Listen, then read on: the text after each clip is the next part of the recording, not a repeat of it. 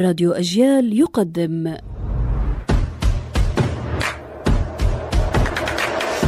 أصل الكلام عارف حجاوي خرطوم الأرجيلة في بلادنا عربية كثيرة يسمى اللي لأنه يتلوى عليها كالحية وعندنا لا يسمى كذلك بل نقول له البربيش. ويسمعني سامع فيقول أخطأت بل نقول البربيج بالجيم. فهذا حين نعيدها إلى أصلها. إنه ماربيج بالتركية وقبلها بالفارسية.